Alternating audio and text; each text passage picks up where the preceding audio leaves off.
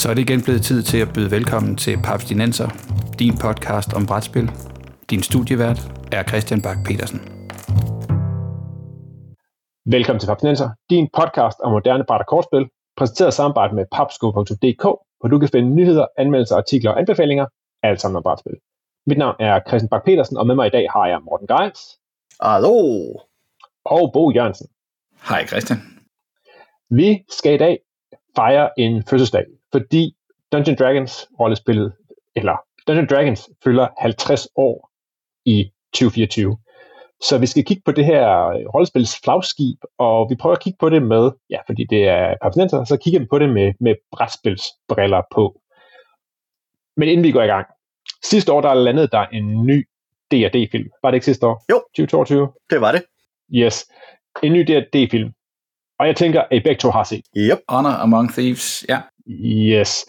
Og skal vi ikke lige få øh, defineret, hvad var jeres yndlings øh, D&D-detalje fra, øh, fra, fra filmen?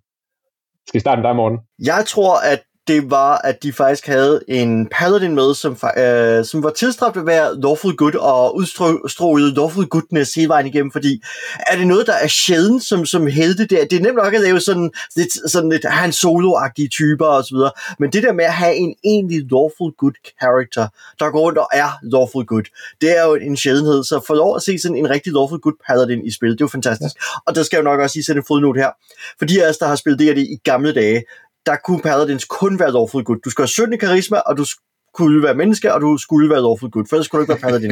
det, det, de er jo stikket på de regler, så nu kan du både have elver og dværge og orker som paladins, og de må have alle mulige alignments, men dengang. Så derfor at se sådan en 17 karisma lawful good human paladin, det var helt usædvanligt og super fedt. Dejligt. Hvad vil dig, Bo? Jeg tror, at den detalje, jeg blev mest fat i, det er deres, hvad skal vi sige, øh, filmens ekvivalent til, at de har en, en, øh, en Dungeon Master, der kommer og fortæller dem, hvad der nu skal ske. Sådan, han, han railer dem ligesom til at sige, øh, skide godt, I er kommet her til, og så videre. Og så han, han præsenterer egentlig bare, det her vi er kommet til, det er det her, der skal ske nu. Så vender han sig om og går, og sådan den fjerde væg, den bryder lidt ned her i filmen, hvor de, de bare står og kigger efter ham, og har det her øjeblik, går han lige hen over stenen, for han går i så lige en linje væk fra den der scene, at han går hen over en, et stykke rock, der ligger på en, en, en strand. Så han var så, han var så, han var så todimensionel, at han skulle bare komme ind, sige sine replikker, og så skulle han værsgo og gå igen, og det synes jeg var en fremragende detalje. Ja, og det var vel, det var faktisk, det var vel faktisk selv samme paladin, ja, der, det det nok, der, ja. der, forsvinder ud, i, uh, ud der. Det er det nemlig. Ja, mens man tænker, nu har, nu har, vi, nu har vi etableret, at vi har en paladin, som er, er utrolig meget sejere end alle de andre karakterer, så en så kunne han sikkert bare klare, klare det herfra. Men, det tror men, jeg også, de brokker sig lidt over i filmen. Hvis du er så sej, hvorfor bliver du så ikke bare hængende? Ja, præcis, men der er ingen, der gider have den der NPC, som bare skal, skal ordne det hele, eller, eller ja, GM-karakter. Havde du nogen golden moments? Ja, jeg synes jo, at uh, der er jo sådan en, en, en episk labyrintscene til sidst, ja. hvor der er sådan forskellige grupper, der løber rundt ind og kæmper i den her arena. Oh, ja. Der, der lunede det jo mit hjerte, da man kigger rundt på de her andre grupper, som øh, skal kæmpe ind i den her arena og løbe rundt, den her, i, i, løbe rundt i den her labyrint og kæmpe med Displacer Beast blandt andet, som jo er et af mine, mine yndlings D&D-monstre, så, øh, så er det også der, at man pludselig får et lille glimt af en af de andre parties, altså ja, af eventyrgrupper, yep. som er eventyrgruppen fra, øh, fra D&D tegnefilmen. Fra tegnefilmen, ja. Som jeg kan huske fra, jeg har været ikke så gammel, og øh, som har de her sådan helt ikoniske, sådan en, en, en det, som jo handler om, at det er nogle børn, der bliver kastet ind igennem, de er ude på en eller anden sådan en, en, i en forlystelsespark, og så tager de Dungeon Dragons riden, og så ender de inde i Dungeon Dragons universet, og får så de her karakterklasser, og så er det, og jeg kan, jeg kan huske den her tegnefilm, og jeg synes, den var magisk. Så da de her øh, 5-6 karakterer, måske endda også en, en, en lille baby indjørning, de, de dukker op i den her korte sekvens, der er, der er helt solgt. Det synes jeg er mega fedt. Det er en barbar øh, med horn i panden, og det er øh, en troldmand en, med en, en spidsgrøn hat. Og så, ja, ja, det er helt... Ja, ja præcis. Og, en, og jeg kan huske, det var, der, der var han jo ikke en paladin, der var han jo en, var han en hed han, Han er en cavalier. han hed en Cavalier. Cavalier. Ja, fordi at de karakterer, der er i der, de er jo baseret på, at man lige på det tidspunkt har udgivet uh, Unearthed Arcana supplement til D&D, der introducerer nye klasser til D&D, så du får uh, Thief Acrobat som en ny uh, klasse, uh, du får uh, Cavalier som den her sådan, uh, riddertype, og, og de åbner også på nogle barbartyper, uh, så, så det, Ja, ja. så det, uh, så det noget sted afspejler uh, tegnefilmserien det nyeste supplement, så de opdaterede regler, så at sige. Shit, jeg er glad for, at vi har dig med, Morten. Ah, fantastisk. Det, det vidste jeg ikke, men, øh, men fedt, at man, øh, at man allerede har, man har tænkt øh, øh, øh, product placement ind der og sige, Oh yes. vi skal have solgt det nye. Mega fedt. Okay, men som sagt, 50 år bagen, der er også nok at snakke om. Men hvis nu kigger på D&D, så er det jo faktisk kun et års tid siden, at vi sidst snakkede Dungeons Dragons her i, i Papsnenser. Og det, hvorfor vi snakkede om det der, det følger vi lige op senere, hvis, hvis vi har tid. Men hvis vi nu skal kigge lidt på D&D's baggrund, og måske særligt, hvordan D&D's ophav jo faktisk kommer fra brætspillene, Morten, kan du kaste lidt lys over, hvad der skete dengang der midt i 70'erne? Ja, øhm, så skæringsdatoen er jo cirka januar 1974, hvor de udgiver Dungeons Dragons, og så har vi det jo lige pludselig. Men årene inden da, der øh, har vi et levende krigsspilsmiljø, som har dyrket historiske krigsspil, øh, både sådan chitbaseret og figurbaseret i, øh, i et par årtier op til. Øh, der er øh, som sagt et, et meget lille øh, nørdet miljø, øh, forbundet via øh, fansigns og, og brevskriveri og så videre, mødes på små konner, og der er, øh, og de er jo begejstrede for at spille på de her sådan, øh, nye måder. Blandt andet øh, en måde, hvor man har en, øh, en game master, og så har hver, øh, eller man har en referee, øh, som håndterer fiktionsuniverset, og så har man øh, sin hære, og så beskriver man sin træk, eller man forklarer sin træk, og så forklarer øh, refereen, hvad udfaldet bliver af det, men det er altså konkurrerende fronter, der kæmper mod hinanden. Øh, der er en kampagne, der er meget berømt for, det hedder Brownstein, øh, hvor man så går ned på en skala, hvor hver spiller nærmest ender bare med at have hver sin karakter. Der er ikke sådan et, et som sådan et regelsystem, det er dommeren, der håndterer udfald. Øh, svaret lidt til det live diplomacy, som har været spillet på blandt andet VikingCon og Fastaval og sådan nogle steder øh, tilbage i 90'erne op i 0'erne. Øh, men sådan nogle øh, megaspil af en art, kan man sige, hvor mange deltagere deltager, og det er sådan noget, der står, begynder at opstå i løbet af 60'erne, hvor man begynder at have sådan, øh, blandt andet også nogle flykrigsspil og nogle westernspil, hvor man går ned på sådan nærmest øh, enkeltmandsskala, og har sin enkelte karakter, øh, og man opfordres til ligesom at bygge personlighed op over det, og folk begynder at flette karakter, øh, ideen om, at karaktererne har en personlighed, som kan påvirke deres træk og sige, det kan godt være, at jeg har en pilot, men den her pilot kan godt lide at være sådan her, så, så derfor laver jeg nu øh, træk i krigsspillet, der afspejler personligheden. Så vi har det her sådan, miljø af de her krigsspillere, der spiller den her form for øh, krigsspil her, øh, dommerstyret krigsspil på en enkeltmandsskala, og det får så øh, folk som, for så er det så, at i 71, mener det er, at øh, vi får udgivet det her regelhæfte af øh, Gygax og nogle af de her folk, der er associeret med det, så hedder Chainmail, som nu også inkluderer et supplement med fantasy. Hvad nu, hvis man udkæmper sin yndlings fantasy-sag, øh, og ikke bare historiske krigssag, men nu også sidder ved Helm's Deep og lignende, øh, ser stort på copyright og lignende på det tidspunkt. og så er der nogen, der tænker, øh, så er der nemlig en fyr, blandt andet Dave Arneson, der har været med til at spille Bounstein, der tænker, hvad nu hvis jeg koblede det her sådan, fantasy-koncept fra Chainmail og bruger det som ramme for at spille i et fantasy-univers, hvor vi blandt andet i min øh, Blackmore-kampagne går ned i kædrene under slottet og udforsker dem. Øhm, og deri, øh, lige der, begynder rollespillet at udspringe. Det er i det her sådan, helt særlige kemiske, alkemistiske øjeblik, at rollespillet udspringer af, af krigsspillene. Og øh, Arneson øh, inviterer jo blandt andet Gygax til at prøve det, fordi Gygax er på det her tidspunkt gået i gang med at udgive regelsæt. Ikke krigsspil, men regler til krigsspil, altså regelbøger. Øh, så skal man selv supplere alt andet. Øh, og han bliver så får det her pitch og spiller med øh, hos Arneson, og de, øh, det koncept, Arneson har, skriver Gygax videre på, og de er sådan halvt om halvt sammen, den, og lige der bliver en meget lang kompleks historie, vi skal ind på i dag. Hvem skrev hvad, og hvem har rettighed til hvad. Det, det er en helt anden ja. uh, separat. Det, Det, det, er det er der lavet dokumentarfilm om. Ja, lige præcis. øh, men summen er, at, øh, at vi får, øh, som sagt, de første Dungeons Dragons, eller de protoreglerne, der så bliver udviklet i løbet af 73. Øh, men så er det jo så, at øh, det sjove er, at en af Geiger, øh, Arnesons øh, medspillere i hans Blackmore-kampagne, bemærk farverne her, øh, at øh, vi har Braunstein som den sådan proto, proto-DRD, øh, så har vi Blackmore som proto-DRD, og så har vi faktisk øh, Gax's Greyhawk, som jo så, hans er, altså de har sådan den her farveskala. Hvor, det er farvekodet. Yes, det er farvekodet.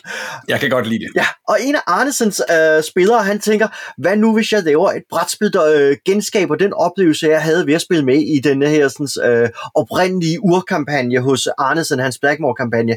Det bliver så øh, Dungeons of Ka- Pasha Kadar som han så pitcher til øh, Gygax, øh, og Gygax synes, det er super interessant, og øh, siger, det skal vi udgive, og han får koncept ind, og der bliver arbejdet på det i løbet af 73, og Gygax bliver ved med sådan et træk på den, fordi der er også nogle andre spil, fordi han er også i gang med at udgive andre historiske krigsspil, og de er også i gang med at udgive et baseret på John Carter of Mars, øh, der er også noget licensværk, men det skal vi ikke snakke om her.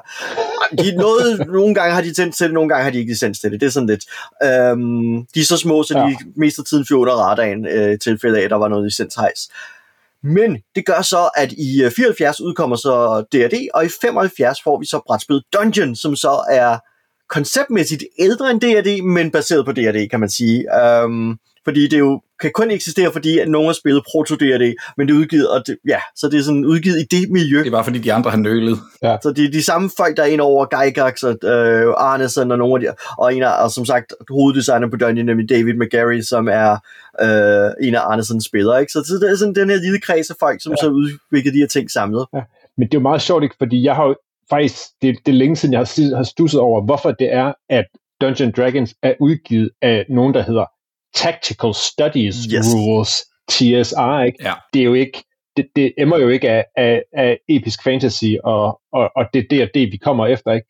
Men, men det er jo fordi, fordi det kommer fra, ja. fra krigsspillene, som de har udgivet, som TSR har udgivet siden ja, en gang midt i 60'erne? Øh, ja, slut øh, 60'erne, start 70'erne, der begynder de at udgive de første regelhæfter og så videre, og så Øh, og så samtidig med de launcher D&D, begynder de også i stadig større omfang at udgive krigsspil, og det fortsætter de jo helt med op til omkring den 90 med at have en lystig produktion af, af hvad skal man sige, krigsspil, og der snakker vi ikke så meget figurkrigsspil, som vi snakker cheat-baseret, som vi kender det fra GMT og lignende. Øh, masser af små firkantede papbrikker på store hekskort, øh, som jo til at udspille historiske krigsdage, fordi det er jo største af, af deres brætspilsproduktion er jo stadigvæk i øh, dybt forankret inde i den her sådan, øh, tradition med historisk øh, krigsspil. Simulationen, ja. Ja, ja lige præcis. Ja. Ja, men jeg kan huske, jeg har blandt andet haft øh, Øh, begge spillene stående, som var baseret på, øh, på øh, Jagten på Røde Oktober, og ja. nu er den der bogserie, oh. der havde TSR faktisk en, en licens der, som handlede om, om det her koldkrigs noget, ikke, hvor, og hvor den ene af dem også havde været, hvor det ene var ubådskrig, og den anden, det var sådan ren øh, østblok mod, øh, mod vestblok, i, nogle af, i det her univers, der var omkring den her bogserie, som så senere blev kendt fra filmen, men det her, det tænker jeg, det er faktisk er fra, fra før filmen ja. blev, blev store, der var i hvert fald ikke, jeg tror, at Sean Connery i hvert fald ikke på, på forsiden af kassen, det tror jeg, de ville ja. have gjort, hvis, uh, hvis han havde været, hvis, hvis de havde været ude. Ikke? Jo. Men det er sjovt, Morten, at du nu nævner Dungeon, fordi øh, ja, I har op, det er jo et spil, som, som er, er, er fortsat langt op, ikke? fordi i, i min nørdopvækst i, i 90'erne, der var der nemlig de to store, markante fantasy-brætspil, mm. og ja, de, jeg siger, de splittede jo folk næsten ligesom musikuvenskaber opstod samtidig med, alt efter om man var til Blur eller Oasis, så var det, er du til Talisman, eller er du til Dungeon? Jeg kan huske, at vi har haft nogle, nogle, nogle møder, hvor, øh, hvor øh, to ungdomsskolehold har mødtes. så kom de fra Odense ud og besøg, og så sådan lidt, Nå. Nå, så, så, så I Dungeon People. det er da lidt, lidt mærkeligt. Men, men, men jeg havde faktisk ikke vidst ikke, at det gik så langt tilbage, og faktisk på den måde sådan pre, predated Ja. Så det, det, det går faktisk. Bo, har du spillet Dungeon? Jeg er i tvivl. Eller har du altid været en, øh, en ren, øh, en ren talisman-guy? Øh, nej, altså øh, GV's øh, Dungeon Quest kommer jeg på, men jeg tror ikke, jeg har spillet Dungeon. Okay, men Dungeon er en helt anden størrelse end Dungeon Quest. En helt anden slags, ja. Altså man kan sige, de er begge to til det fælles ned i nogle huler og råber nogle skatte, men uh, ved at gå... Så, så langt vej med, ja, ja. Og, og så er det kompetitive spil, men, men de, ellers er de relativt forskellige, men Dungeon er et, et nærmest det første forsøg på i brætspilsform at simulere dungeon-rollespillet, eller uh, ja, dungeon Men jeg har det sådan, det kan jo ikke passe, at jeg ikke kender dungeon. Hvad, hvad handler det om? Har, vi bare været, har jeg været ud af en talisman-familie? altså, jeg er selv ud af en talisman-tradition, uh, hvorfra jeg kommer, så, så vi har meget lidt kontakt til Dungeon, uh, så, så jeg virkeligheden aldrig fået det spillet selv, nemlig af samme grund. Øh, Nå. Okay, og men jeg, jeg, har, jeg har spillet Dungeon, og det er jo sådan, altså som, præcis som du siger, Morten, det er jo sådan en, en prototype med, ikke, hvor der er, øh, der, er en, der er et stort kort, man folder ud. Ikke? Det vil sige, Dungeon, den, den har, den har Ja, ja, samme okay. outlay hver eneste gang, man, man går ned i den. Men så variationen kommer i, jo længere du kommer ned, så møder du stærkere og stærkere monstre. Og det er lidt, faktisk lidt ligesom, jeg tænker, jeg, jeg har prøvet Dungeon Quest også, at det kan godt være meget unforgiving. Altså, du, du skal være beredt på, at Oh yes. at lige pludselig så dukker der et eller andet op, og så, så er du nærmest blevet tilbage til Ja, start. nej, nej, du er død og ude af spillet. pludselig var De det... skriver, de skriver Ja, ja, præcis. i, øh, på bagsiden af regelhæftet til Dungeon Quest, at de har beregnet, og det kan man jo så også sige, hvordan har de klaret det tilbage i 80'erne, men at de har en sandsynlighed for at overleve spillet på omkring 15%. hmm. Det er det, er det du er op imod. Ikke? Så, så der er jo folk, der har vundet det spil ved Okay. okay. vidderligt tage et skridt ind, finde en, øh, en lille goblin med 15 guldstykker i lommen, og gå ud igen. Tak, det var det. Og så bare håbe på, at de andre de ikke klarer deres, øh, deres saving throws på de rigtige tidspunkter. Okay. Ja. ja. Jeg forestiller mig, at, at det kunne være i et klassisk spil Dungeon, der kunne det, der kunne det være lidt det samme. Men, men jo, altså, altså, du sender, sender de her klassiske D&D-karakterer, det er, du kan spille en, en tyv, eller en cleric, eller en ja. fighter, eller en troldmand ned i dungeon, så kan der, jeg tror måske i grundudgaven, der, der har de egentlig de samme stats, men så kan man spille noget, hvor man gør det i hvert fald lidt mere avanceret, så, så de også kan lidt nogle forskellige ting. Og så trækker du kort, alt efter hvilke nogle rum, du kommer ind i, hvor det som viser, hvad for nogle monster der er derinde, og hvad for nogle skatte er derinde. Ja, de er lidt farvede, ser det ud til på, på de billeder, jeg lige har fundet. Yes, præcis. Og så hugger du der vej ned igennem, igennem dungeon, og så mindes jeg, at, der, at det simpelthen er, hvem når først at ramme øh, 10.000 guldmønters worth, eller noget i den stil. Okay. Og den version, jeg har spillet, tror jeg må være en fra de meget tidlige 90'ere, som måske hedder 90 eller 91, som var sådan en halvaflang kasse med sådan nogle gule murstensting, og som sådan kigger ind i sådan et, et mørkt hul på coveret. Og i den version, der havde de, øh, der havde, hvad hedder det, spilbrikkerne, som man selv havde, altså karakterbrikkerne, de var af, af sådan lidt tavligt stykke plastik. Hmm. Altså, det lyder som Mm. Øh, så, så der var de, 1989-udgaven, ja. det må garant, det har helt sikkert været den. Og der var det jo altså, der, og jeg kan huske, at en af de ting, som, som, som, som var det fede, det var jo, at, at, at regelhæftet var, kom i, en, i sådan en kopieret dansk udgave, hvor der tydeligvis har siddet en eller anden mand i en hobbybutik med en skrivemaskine, og så havde siddet og skrevet oversættelsen ind af alle de her væsener. Øh, jeg er bange for, at jeg ikke har den mere, men, men der er jo stadig, jeg har jo, jeg tror, jeg har, jeg, jeg må have fortalt jer, måske hvis du går ind på Board Game Geek og finder Dungeon, så har jeg måske scannet den ind og lagt den op som en fil. Prøv at gå ind og kigge. Nå, det, det, det, det, det vigtigste, det er jo, at øh, det er jo, og det må jeg have nævnt før, ikke? det er, at den danske oversætter har også oversat, øh, hvad et øh, Displacer Beast hedder, og nu fik vi nævnt det før, og I ved godt, hvordan en Displacer Beast ser ud. Yep. Og det, hvad hedder det på dansk? Og Det hedder skydningsmonster? jo en, En telepander, ikke? Oh, nej, det hedder en telepanter. telepanda selvfølgelig, ja. Ja. Yes, Det er telepant. telepanda er også godt. Det er så sygt, Ja. det er sygt godt ramt. Så jeg, jeg har spillet en del, en del Ja. Dungeon Mm. faktisk, fordi at, øh, jeg tror, at ja, Assens må have været Dungeon Territory. Den er lige kommet på ønskelisten. Nice. Men så op igennem 90'erne, der fortsætter TSR, som du nævnte før, med at udgive øh, historiske krigsspil. Altså både, både nogen, der går tilbage af sådan øh, way back historie, og, og spil, som foregår, ja, der jeg tænker, der er kommet en del anden verdenskrigs krigsspil. Men sideløbende, der udgiver de masser af rollespilsbøger. De udgiver, øh, de har nogle super succesfulde bogserier øh, på, på deres CV. Jeg tænker sådan noget som Dragonlance og Forgotten Realms de laver, sælger millioner af bøger, de sælger millioner af, af rollespilsupplementer, og der kommer rigtig mange rollespilsupplementer i, Yep. i, i 80'erne og 90'erne. Men det er som om, at de bruger, at de spil, de bliver ikke, de her universer, de bliver ikke sendt over i et brætspilsunivers, eller er de bare usuccesfulde i deres, deres Ja. transcenderen over i brætspil? Ja, det er for det er sjovt, fordi der er jo også computerspil, og der er tegneserier også på det her tidspunkt. Præcis. Her. Marvel laver jo, eller enten DC, nej, det er DC, tror jeg nok, der har deres Dungeons Dragons tegneserier på det her tidspunkt. Så de, de er rigtig gode til at sælge licensen ud til, til andre forlag.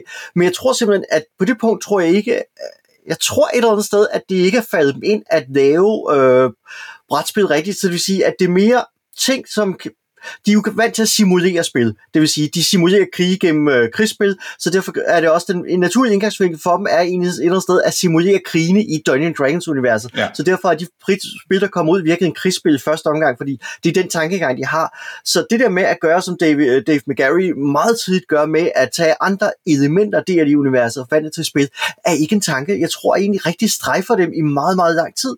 Øh, I hvert fald ikke op gennem 80'erne, og det jeg tror, det store skift kommer muligvis først i 90'erne, øh, hvor jeg ser to skift øh, bygget op over, øh, eller der kommer et interessant benspænd, fordi i slut 90'erne, sidste halvdel af 90'erne, går TSR bankerot og bliver opkøbt af Wizards. Ja. Men inden da, der har vi jo den store øh, eksplosion i Magic the Gathering, som jo øh, fejrer alle andre spil af banen, og også bliver, hvad skal jeg sige, udkonkurrerer rigtig meget rollespil. Øh, mange rollespillere går bare i gang med at spille det, uh, Magic i stedet for osv. Ja. Så, øh, så det, der sker, er jo, at Wizards jo, øh, eller ikke Wizards, men TSR beslutter sig for, ligesom alle andre, at de skal med på uh, Collectible Card Game-vognen, og de udgiver derfor Spellfire, som er deres uh, Collectible Card Game, baseret på spells og universer fra deres uh, egne IP'er. Og jeg tror, det her det er et eller andet sted, hvor vi nok i virkeligheden første gang ser dem systematisk bruge deres egne IP til at lave spil over.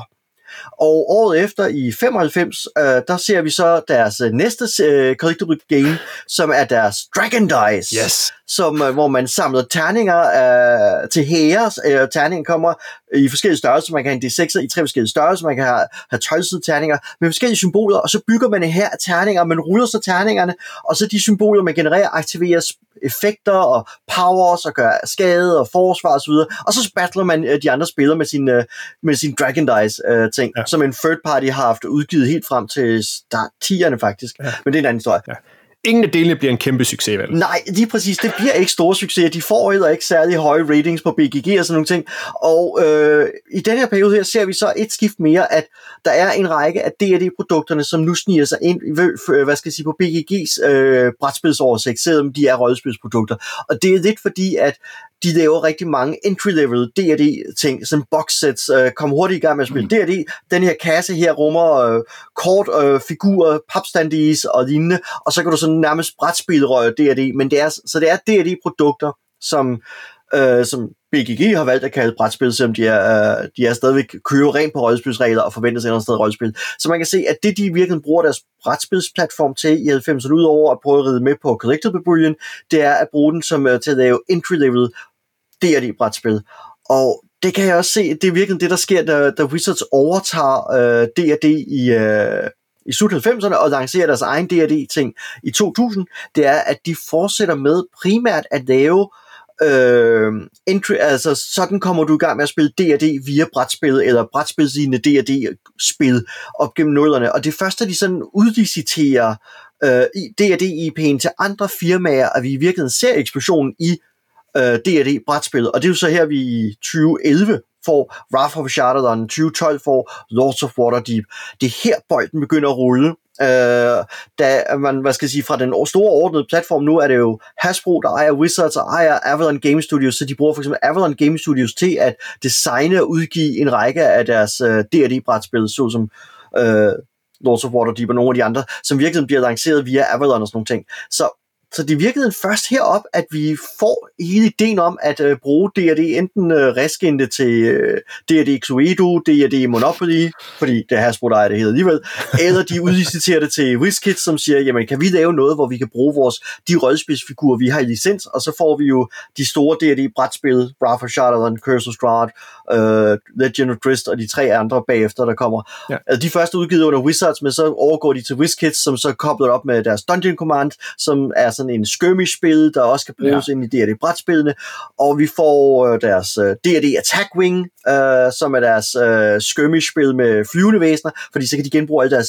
de rollespilsfigurer, de har udgivet en gang til D&D, nu sætter de dem op på små flyvende platform og sælger dem en gang til. Ah, det er genialt, det der. Det er snedigt. Lige præcis, øh, og derfra får vi jo så også sådan noget som øh, D&D Dice Masters, som jo også var den anden gang D&D, det, det var den, da vi havde Dice Masters, øh, og som jo kom der omkring 14-15 stykker, og så, så går det egentlig bare slag i slag med, at øh, man kan se, at de udliciterer til øh, uh, Gale Force 9, som kommer med Dragonfire, deres sådan narrative kortspil, lidt for at gå i... Øh, Øh, øh, hvad skal jeg sige, Arkham Horror, Card Game og lignende spil i bedene, så forsøger Catalyst Games øh, med Dragonfire og Gale Force 9, som har en D&D-licens til at udgive øh, D&D-supplementer.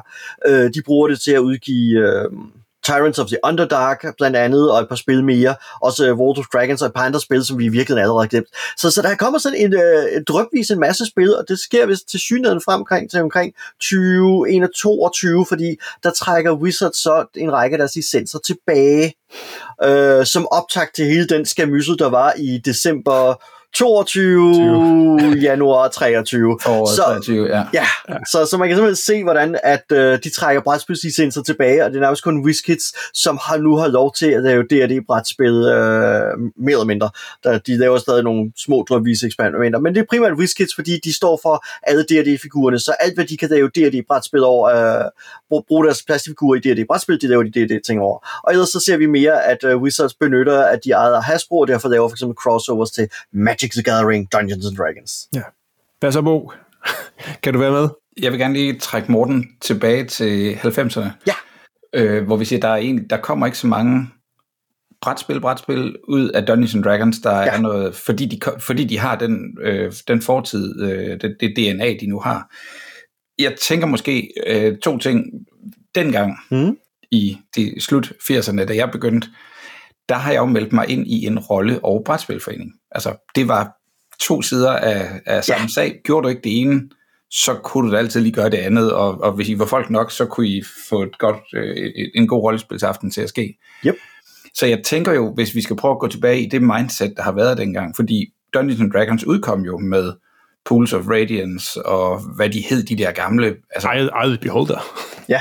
Eye of the Beholder, ikke mindst øh, gå, gå rundt på et grid øh, øh, som fire karakterer og, og tage beslutninger om, hvem der skal gå forrest og bagerst og, og, og få nogle klø.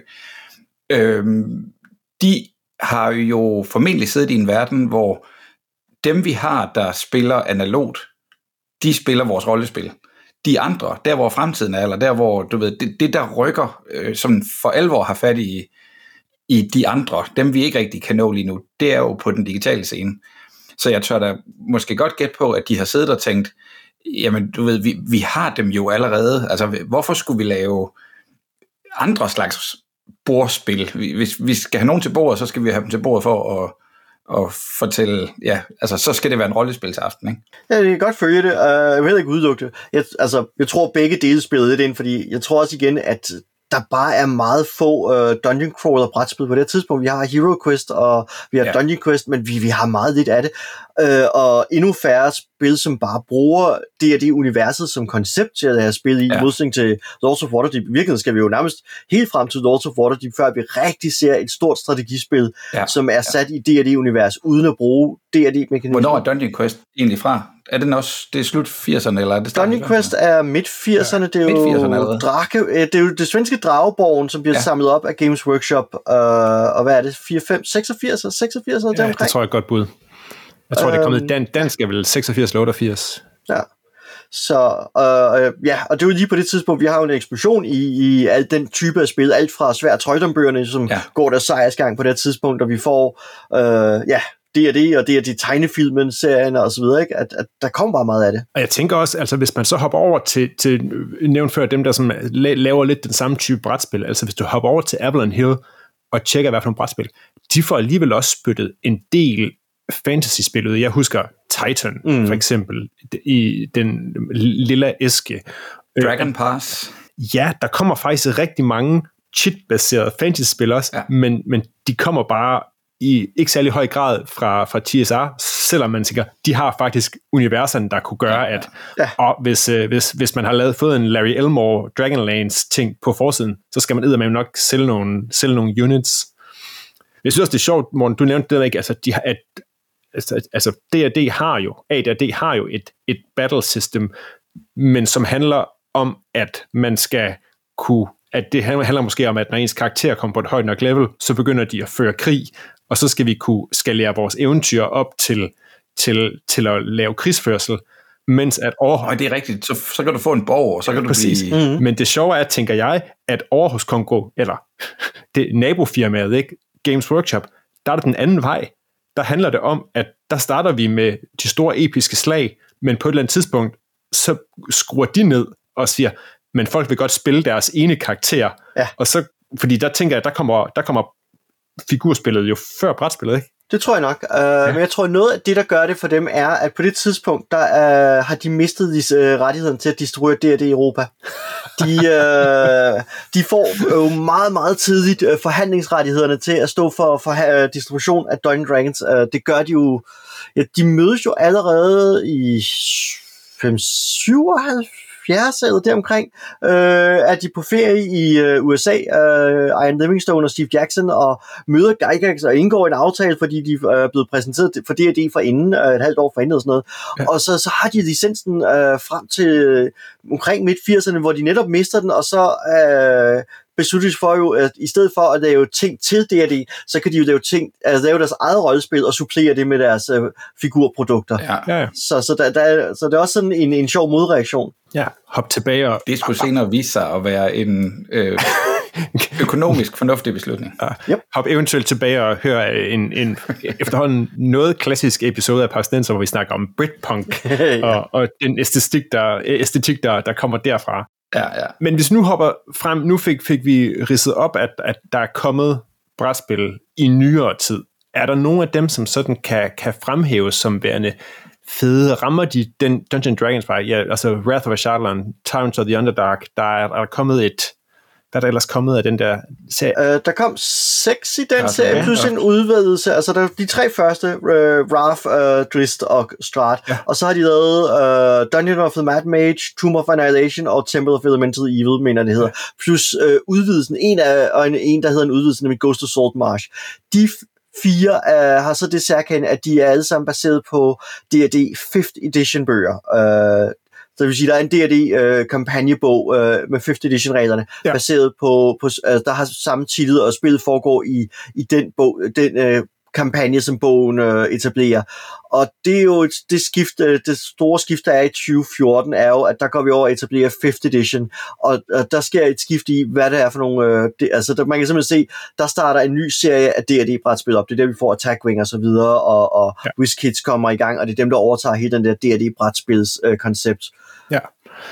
Er det, det er ikke nogle spil, jeg har, har gjort det store i. Er det, er det nogle spil, der kan noget? Bo, du havde lige gravet, ja. Øh, hvad er det, Ashardlon, du havde gravet frem til lejligheden. Fuldstændig kæmpe anbefaling altså til sådan en, en spilgruppe, der skal have et dungeon crawl. Der fungerer de fremragende. Altså der er jo forskellige scenarier, e- eventyr, missioner hedder det nok i den her verden, øh, hvor du skal finde øh, Strats kiste eller et eller andet. Det viser sig muligvis, at du er blevet sat op, og det hele var altså, mm. altså helt sådan en klassisk øh, fortælling, hvor du er på eventyr og synes, du er den gode, og så viser det sig, at det var du måske ikke alligevel. Og spillet rummer en mekanisme, hvor det er ved at være nogle år siden, skal jeg lige skynde mig at sige, at jeg har spillet det, men jeg, så vidt jeg husker det, så er det spilleren til højre for dig, venstre for dig, venstre for dig nok, rundt om bordet, der styrer de monstre, som spawner, når det er din tur. Ah. Og så puler man monstrene sammen, sådan at hvis der allerede er et spøgelse på brættet, og der nu kommer et nyt spøgelse, så rykker øh, spøgelserne over til ham, der styrer spøgelserne. Men ideen er, at det betyder, at man har en, en øh, hvad skal vi sige, en, en AI, man har en intelligens, der, der flytter på monstrene, man har en, der udfører, at de bevæger sig rundt på brættet og foretager de angreb, de nu skal. Øh, men man har altid ligesom en runde på bordet til nå at forholde sig til dem, så der er ikke noget, der, så vidt jeg lige husker, bare spawner os og hopper i hovedet på dig. Og i ren Advanced uh, Dungeons and Dragons, eller hvad hedder det, um, Advanced Hero Quest, vil jeg have sagt, stil, når du kommer hen til kanten af et bræt, så kan du få lov til at, at searche og se, hvad der så er længere ned ad gangen osv. Uh, øh, og der i, ja, lidt ligesom i uh, et, et betrayal eller sådan noget, lægger du brættet ud efterhånden, som du går rundt, og du ved ikke, hvad der er på de forskellige felter. De skal have den lille trekant, som vi også kender det fra Dungeon Quest, der fortæller dig, hvor, hvor din, din entry-linje er, og så lægger du brættet på det, du ved ikke, hvordan dungeonen ser ud, når du går ned i den.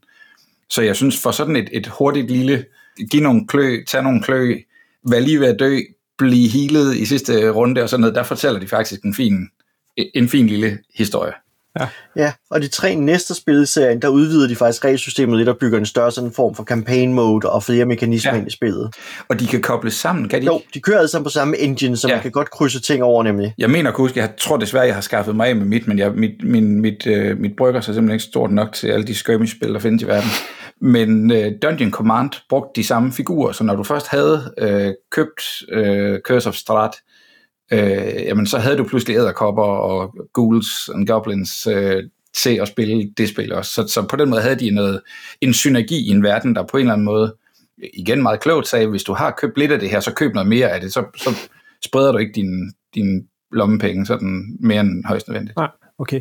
Ja, og så har vi, vi har jo tidligere snakket øh, med, øh, med øh, Anders og Mads over for noget med drager, der har vi snakket Baldur's Gate, ikke? Hvor, hvor de fik, øh, fik reskinnet Betrayal, så der, der har været den der, det, det er ikke kun Matador og, og, og Nej, Trial Pursuit versioner, der er blevet reskinnet. Der er også, der er også andre øh, brætspil, der er sådan kommet. Jeg kan faktisk ikke huske, hvem- har designet de der, det system? Er det, det er bare en eller anden unangiven, det er TSR, det er det, jeg ved. Ja, det tror jeg, de der spil der, de er for Wizards, så jeg tror, det er på det tidspunkt, hvor man stadig ikke rigtig sætter designernes øh, Ja. navne på æskerne.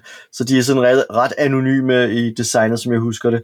Og, men det er jo så også blandt de mest succesfulde, dem og så Lords of Waterdeep. Ja. Fordi der er jo så udgivet flere andre, men der er meget lidt af dem. Altså selvom for eksempel Tyrants of the Underdark for Gale Force 9 at få gode anmeldelser, så er det aldrig brændt igennem. Altså det eneste sådan andet D&D-spil, jeg har set brændt igennem øh, inden for de sidste par år, det er Dungeon Mayhem, øh, som også har en Marvel-klon, Marvel Mayhem, som er sådan rent take that type Okay. spil, øh, eller Munchkins, øh, Ah, ja. Right. Unstable Unicorns. har jeg set, ja. Hver spiller har sit eget lille kortdæk, og så øh, kriger, troldmand og så videre, så trækker man kort, og der er angrebs- og forsvarskort, og så last player standing er, er spiller af vinderen, og der er så en heltepakke, en monsterpakke og en udvidelse, så alt er kombinerbart. Nu er Peter ikke med i dag, men vi er nødt til at snakke... Øh, Nå nej, vi har lavet en hel episode om Lords of Waterdeep. Ellers, så, ellers så, så skal vi helt sikkert have gjort det, hvis vi ikke har. Ja, det, det synes jeg. ja. Ja. Men til dig, der sidder derude og tænker, Lords of Waterdeep, hvad er det for en størrelse? Når du spotter det på øh, det lokale loppemarked, så køber du det bare. Ja. Hands down. Det, vil, det vil du blive glad for. Det vil ja. du blive glad for. Det er, det, jeg vil sige, og, også selvom du er lidt ligeglad med, med det Dungeons Dragons univers, der, øh, der er, det hele er pakket ind i, så er det også et, et, der er også et godt spil nedenunder. Ja, det er det altså. Er det i salg nu, Morten? Kan man gå ned og købe Ja. det? Eller? Altså, Lords of Waterdeep er, er stadig på markedet. Okay. Det, yep. For, Så bare glem, jeg sagde loppemarked. Så gå ned i en butik. Men det er jo også men det er, det er et virkelig... godt spil, helt sikkert. Ja. Jeg må også heller lige, øh, apropos ting, som sådan, hvor der også er et godt spil nedenunder, så vil, vil jeg også lige øh, øh, slå på trummen for, øh, for øh, Dungeons Dragons The Yawning Portal. Ja, Jeg tror, jeg må have name drop det tidligere.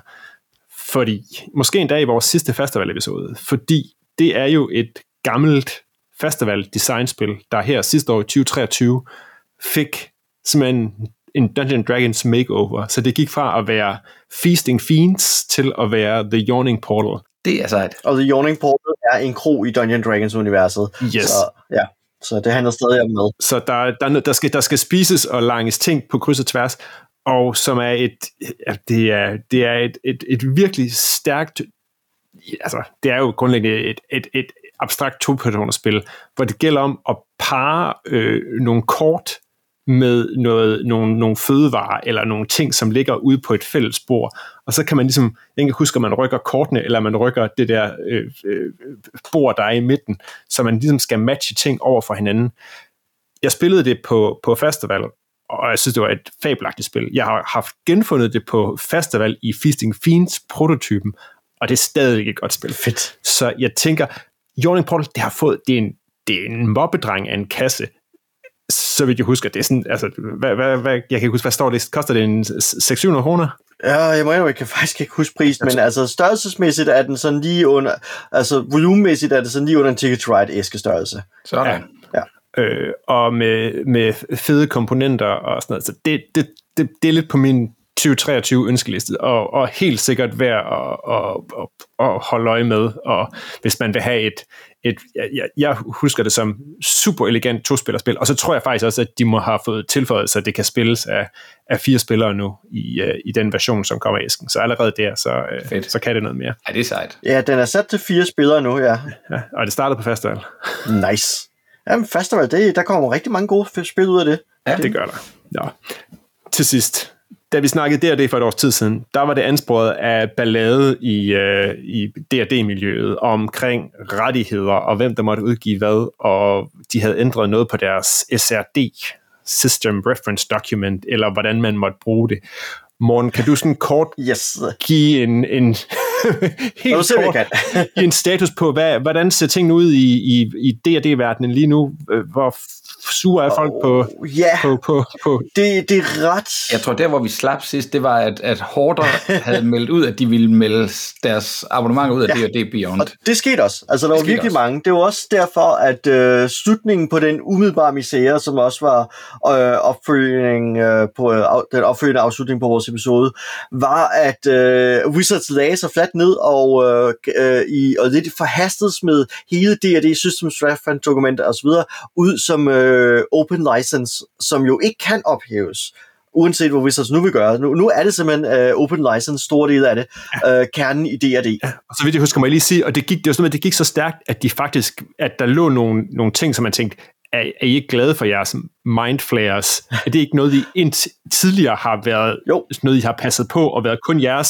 Sådan, øh, det har ja. været meget D&D'sk. Og, og lige pludselig, så var det bare, nu er det, nu er det hvermands eje, fordi ja. det ikke var blevet tømt ud i det der, du kom ja, ind. Det, øh, jeg mener, det inkluderer også Strat, øh, så, oh. så, ja, så Strat må nu gerne bruges andre steder. I sin specifikke, helt specifikke D&D-form af resten af statblokken osv. er stadig Wizards, fordi det er den ja. specifikke kunstneriske udtryk, men jeg må nu godt dæve scenariet om Grev Strat og så videre i, i andre sammenhænge, øh, fordi Strat er nu øh, open license der. Øh, så, så det, øh, og det, ja, det er jo, øh, ja, så det er jo rigtig spændende.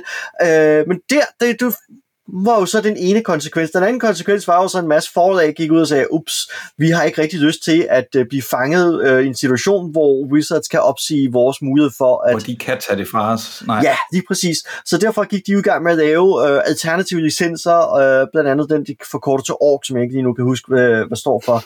Øh, så der er kommet forskellige tilgange til det, så Corporate Press øh, går i en retning med øh, Tales øh, of the Valiant, der kommer til sommer. Øh, Matt Colville øh, er meget flittig, han har lavet en kæmpe kickstarter på 4,5 millioner dollars, tror jeg det var, for, for hans øh, MCDM-spil, øh, og Critical Role, som jo er kendt for deres YouTube-shows osv., de er jo gået i gang med at udvikle rollespil i andre systemer, senest med Candela Obscura, og øh, de har, er det Daggerheart, det hedder på vej også, som bruger andre regelsystemer, så, de, øh, så det er helt tydeligt, at der er sket det, at nogle af dem, der har været store og til at understøtte D&D øh, med third-party øh, produkter og YouTube-videoer osv., de nu går i gang med at designe deres egne spil. Paizo har jo også revideret deres øh, Pathfinder, der kom en revideret udgave af second edition øh, af Pathfinder her i november, som jo går endnu længere væk fra D&D end tidligere, for netop at løsrive sig. Så vi kan se, alle mulige, der har været knyttet op til D&D, har løsrevet sig fra D&D, og det er en af de konsekvenser, der er. Øh, samtidig med, så D&D jo... Hold hvor er det synd, altså. ja, Jamen, det, er, det er trist, uh, at de skød sig i foden på den måde der. Um, samtidig med, så uh, lader det jo til, at D&D-folkene, eller Wizards baby, sigter imod at lave en form for walled garden for Dungeons Dragons, hvor du kører alt dit D&D gennem dit uh, Beyond, øh, uh, D&D Beyond abonnement, og det vil sige, at de prøver et eller andet sted at få folk ind til abonnementet, og hvis du opsiger det abonnement, så mister du din kampagne, din karakter, dine regelbøger, dine digitale terninger, dine digitale terningskins, uh, alle de der ting vil du gå tabt, så du bliver jo nødt til at forblive inde i deres walled garden, og ikke rigtig bruge andres materialer, eller spille andre rollespil det lader til, at det er den retning, de lige nu sigter, men vi er sådan lige i en gråzone, fordi i år 2024 er det, at den øh, opdaterede udgave af D&D 5th edition kommer, øh, og det er ikke en 6th edition. Det, de har stoler vi øh, et eller sted.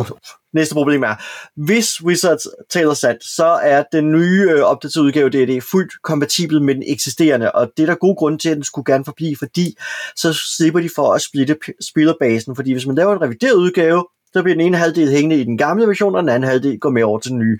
Og det er Wizards virkelig ikke interesseret i, fordi det vil være faktisk et betydeligt tab af brugere, hvis de splitter D&D op i to grene.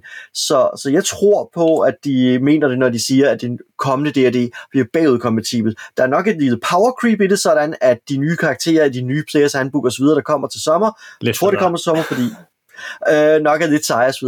Men, men systemet er det samme, så man kan mixe og matche alt. Mm. Øh, men lige nu er vi et sted, hvor de har øh, released et par enkelte billeder fra bøgerne, men vi ved øh, indefra, altså internal art. Vi ved ikke, hvordan bøgerne ser ud, vi ved ikke, hvornår de udkommer, vi ved, vi ved faktisk ikke noget om indholdet endnu. Vi ved ikke engang udgivelsesdato, altså de... Øh, de er meget, meget tilbageholdende med oplysninger for noget, der skal udkomme et sted mellem halvt til et helt år.